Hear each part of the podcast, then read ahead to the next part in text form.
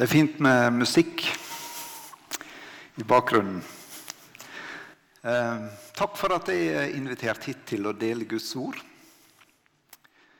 Eh, og når vi deler Guds ord i ei gudstjeneste, så tror vi det skjer noe.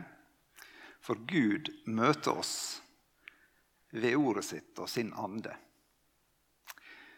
Eh, så står det mange plasser i Bibelen om at eh, den som har øre, han hører.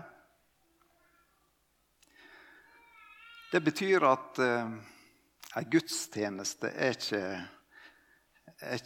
På ei gudstjeneste er ikke vi tilskuere eller publikum, men. Det er ikke, skjer ikke fra scenen først og fremst, men det skjer i møte med Gud.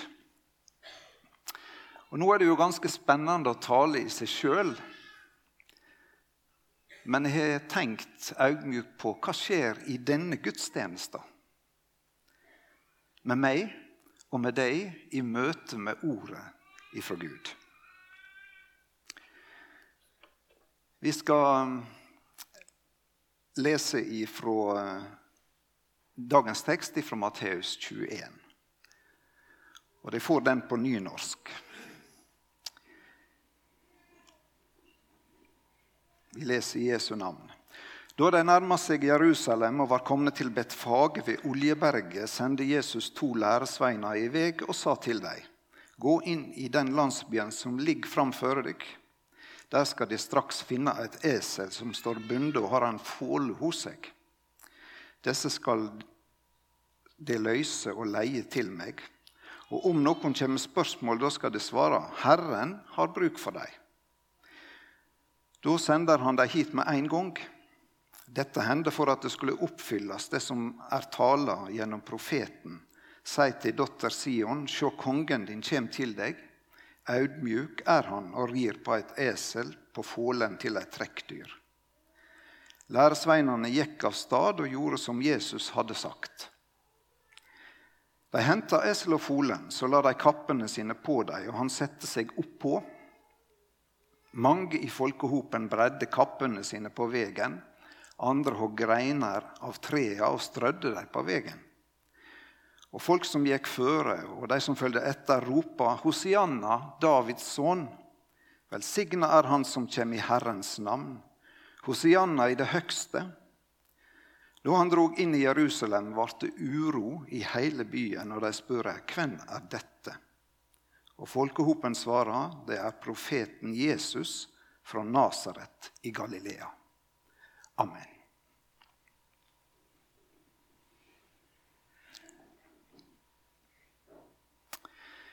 Jesus hadde tatt ut fra Jeriko opp til Jerusalem eh, til påskeveka.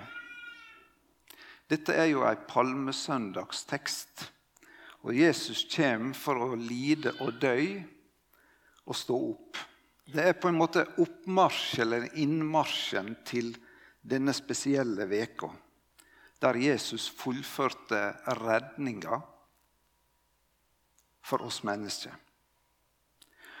Men når denne teksten er plassert på første søndag i advent, så kan vi se den i et annet perspektiv og advent betyr jo komme, eller ankomst, som det heter på et annet språk.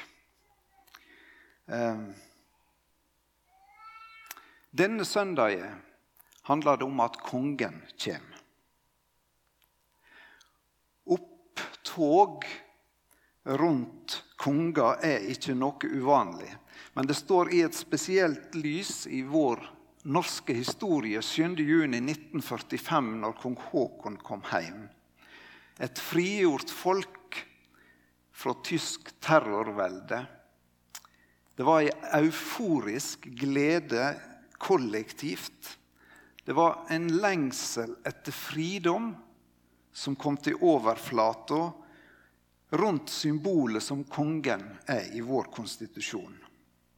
Vi ser jo litt av det 17. mai i nabolaget her, oppe med Slottet.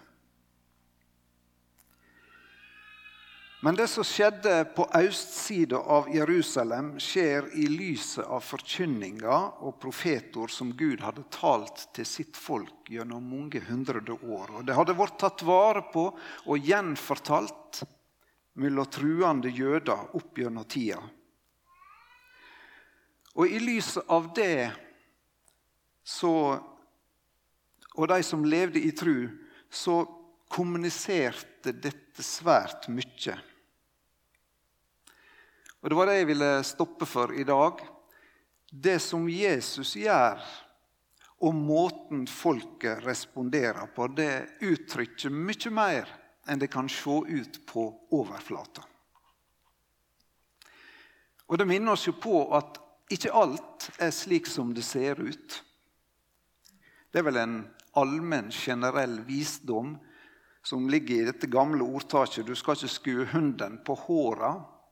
Det betyr at det er en advaring mot å bli overfladisk, som preger mye av vår kultur i dag, der 'image is everything', der det er viktig hvor det ser ut. Men de som trodde og kjente profetorda, de så dette som skjedde, på en annen måte enn de som ikke trodde. Og slik er det også i dag. Eh, en kristen som kjenner Guds ord, som kjenner Guds lovnader, hans plan og hans vilje, reagerer annerledes i møte med livet enn samfunnet og mennesket ellers. Det knytter seg håp til Guds ord.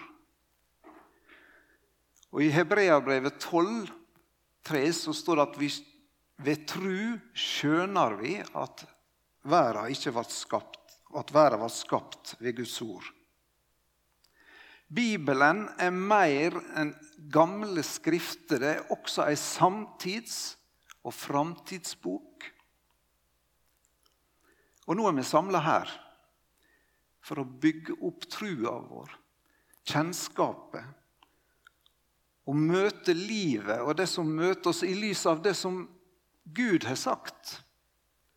Og ikke bare ut fra slik det ser ut, og slik som samfunnet for øvrig tolker det. Gud har en plan, og hans ord skal aldri forgå. Og Derfor så er det henta fram i en av lesetekstene denne dagen i, i Romarbrevet. Er du våken? Er du åndelig våken? Lever du med ei tru som bygger på Guds ord, slik at du er klar når kongen kommer? Til deg og til meg.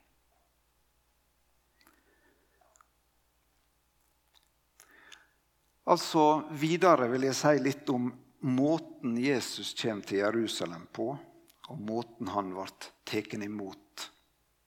Hva kommuniserte Jesus ved valg av framkomstmiddel denne dagen? Og hva uttrykker folket med det de gjør? Og i dette så kommer Jesus til oss i dag. Hvor møter vi ham?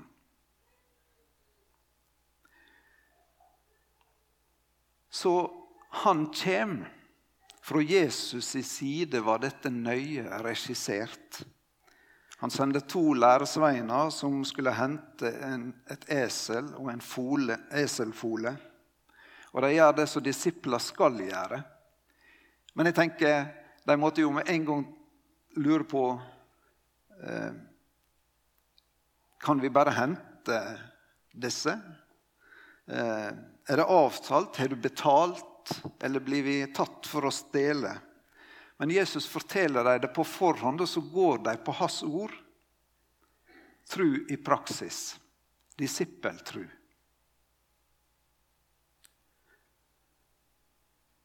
Dette med å ri på esel har mange hendinger og linker til profetiene og Israels historie. evangelisten Matteus og tekstene våre henta fra. Han skriver først og fremst til jøder. Og han siterer fra Zakaria 9 dette verset om at sjå kongen din kjem. Audmjuk er han og rid på et esel, på folen av et trekkdyr. Allerede i første Mosebok 49 så hører vi en profeti om en konge som skal komme langt der framme.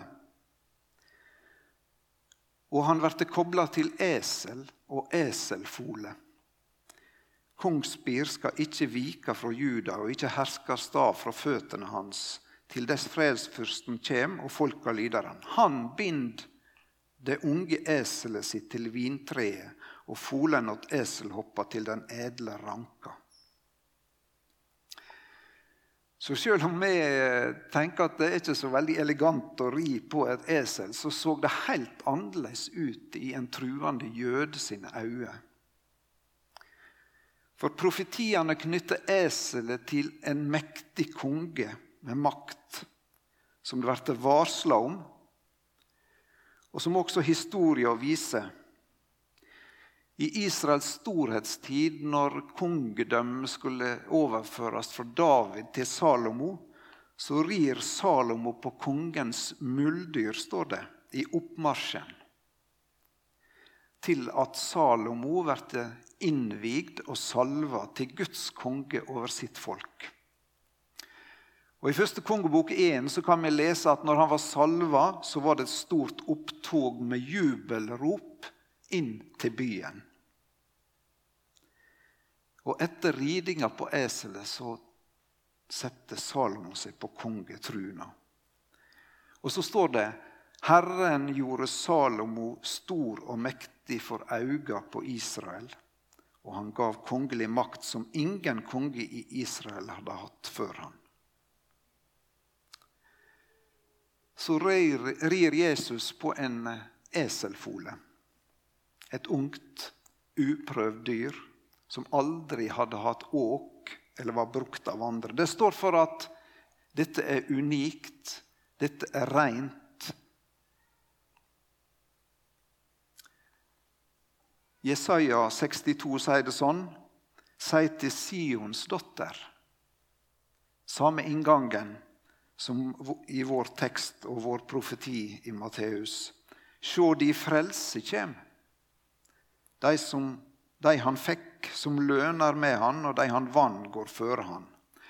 Og endelig Jesaja sin profeti som er knytt til denne sammenhengen om kongen som skal komme, peker på barnet.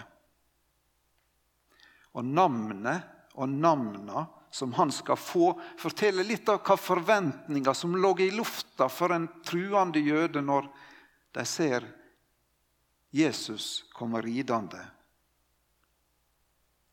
han, han er altså både Han er herrevelde, han er et under, han er en rådgiver. Han er en veldig Gud, og han er evig far og fredsførste. Tror du dette lander sterkt i et undertrykt, undertrykt, utbytta og okkupert folk? Messias-forventninga, den levde hos alle som trodde og venta på at Gud skulle oppfylle sitt løfte og stå ved sitt ord. Og når Jesus veler eselfolen på vei inn til Jerusalem, så sier han rett og slett at nå skjer det. Det er jeg alle profeter har snakka om. Nå skal jeg krunast. Jesus som bare unntaksvis hadde villet røpe sin identitet på gåtefullt vis, han kommuniserer nå sin identitet åpe på vei inn i byen som en konge. Inn i Jerusalem, sentrum for makta i landet der Guds folk bodde. Vi som har fått Det nye testamentet, veit hva som skjedde i påskeveka, og hva det betyr. hans oppdrag og hans makt skulle vise seg på en helt annen måte enn det sikkert mange trodde denne dagen. Han skulle vinne mennesker og ikke land. Hans makt er ikke rå og brutal som andre herskere kan ha, men han tjener ved sin, sin tjeneste og sin guddommelige kjærleik. Og audmjukt bøygde han seg ned og var lydig til døden, til døden på korset. Han ble ikke kruna med ei gullkrone, og ikke med pomp og prakt, men under spott og spe. Han døde, men sto opp og har all makt i himmel og på jord. I formiddag kommer Jesus til deg. Her og nå. På ordet sine føtter ikke på et esel. Jeg holdt på å si kanskje ved noe som ligner. Det er en enkel forkynner som står her. Men han Jeg vil nå det med Guds ord. Han elsker det med en kjærleik til døden. Han kommer med nåde og fred. Han kommer med tilgivning og oppreisning. Han kommer med fridom fra alt som kan binde det og dømme det. Han kommer med håp og evig liv. Jesus kommer til ditt hjerte og til mitt. Og vil inn i ditt liv med alle sine gode gaver. Det skjer i ei enkel gudstjeneste i advent. Hvor reagerer du? Hva er din respons?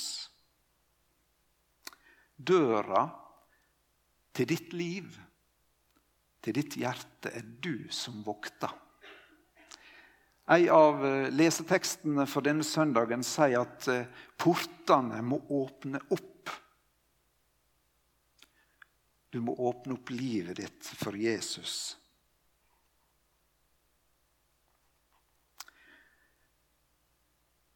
Så litt om folket sin respons. De samler seg rundt han som rir på en eselfåle og kommer akkurat som Salomo hadde gjort i farende tider. Og så gjør de veldig uvante ting for oss. Og det betyr mye mer enn jubel og stemning.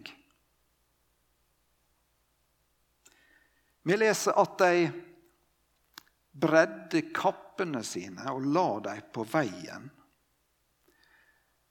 og Vi kan lese om det i andre kongebok, at når folk fikk en konge, så la de klærne sine på bakken for å vise at de bøyer seg under hans vilje. Dette er vår konge. Andre hogg palmegreiner. Noe som helt fra tredje Mosebok er skrevet om i Bibelen, var et uttrykk for glede.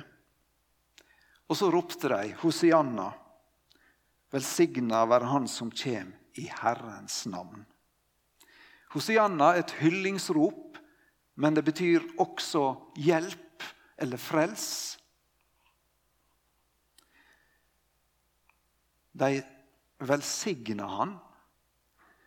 Å velsigne betyr å ønske og uttrykke godvilje og det beste og kjærleik til noen. Vi velsigner ofte i ei forsamling på Guds vegne.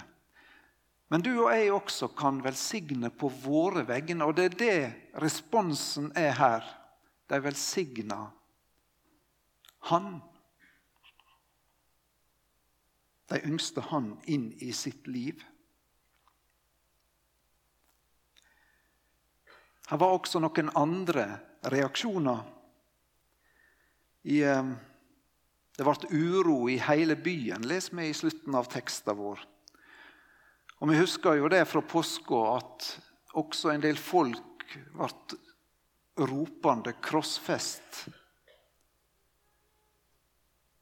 Det var ikke nødvendigvis de samme som var her, men det er mange holdninger til Jesus.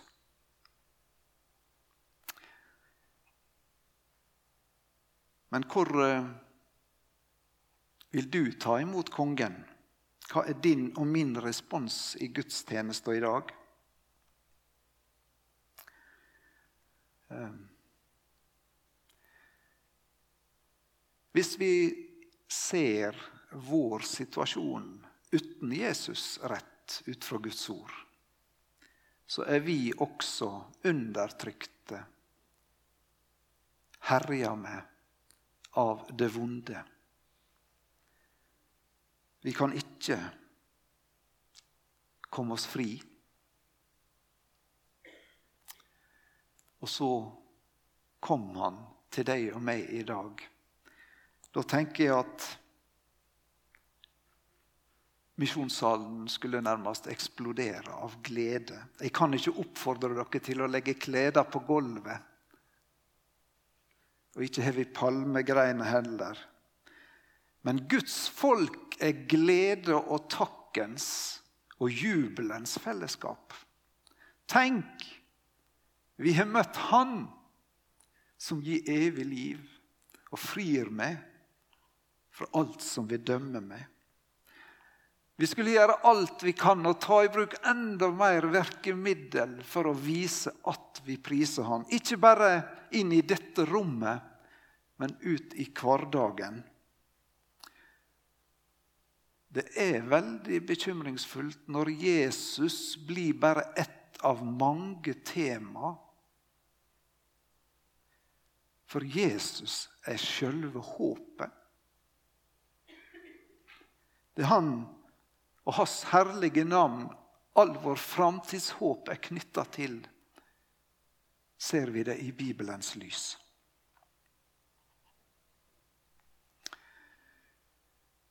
Og så eh,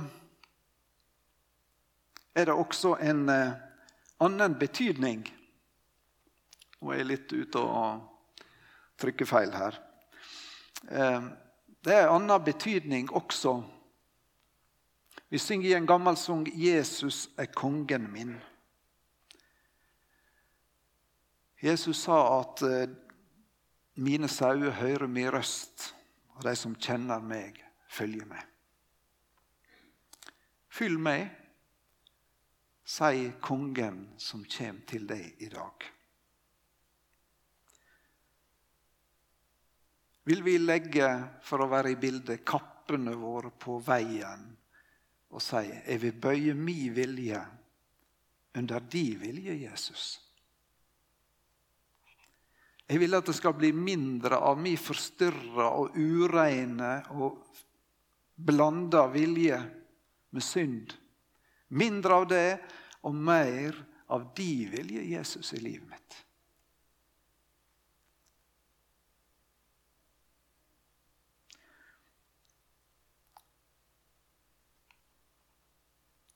Er Jesus kongen din?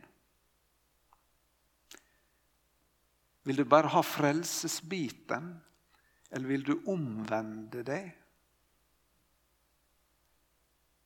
Bøye deg til Jesu vilje og bli en disippel som våger å gå på hans ord? Han er her i dag. Du kan få se livet i et annet lys, med andre verdier og andre mål. Eller andre sine liv som ikke tror.